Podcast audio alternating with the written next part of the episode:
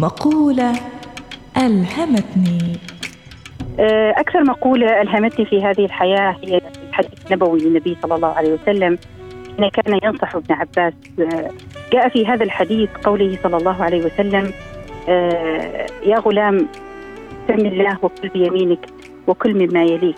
وجاء من ضمن النصائح التي أعطاها النبي لابن عباس في هذا الحديث مقولة تقصها عنوانا في حياتي كان يقول صلى الله عليه وسلم له اعلم لو أن الأمة اجتمعت على أن ينفعوك بشيء لم ينفعوك إلا بشيء قد كتبه الله لك. ولو اجتمعوا على أن يضروك بشيء لن يضروك بشيء إلا قد كتبه الله عليك. رفعت الأقلام وجفت الصحف. هذه المقولة تعطي للمرء أهمية قياس أهدافه وتخطيط لأهدافه قبل القياس. كيف أن يترك الأمر لله تعالى ويتوكل على الله تعالى.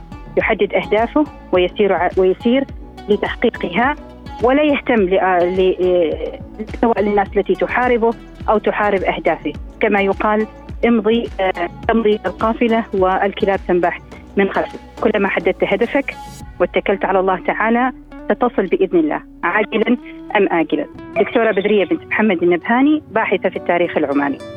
مقولة ألهمتني.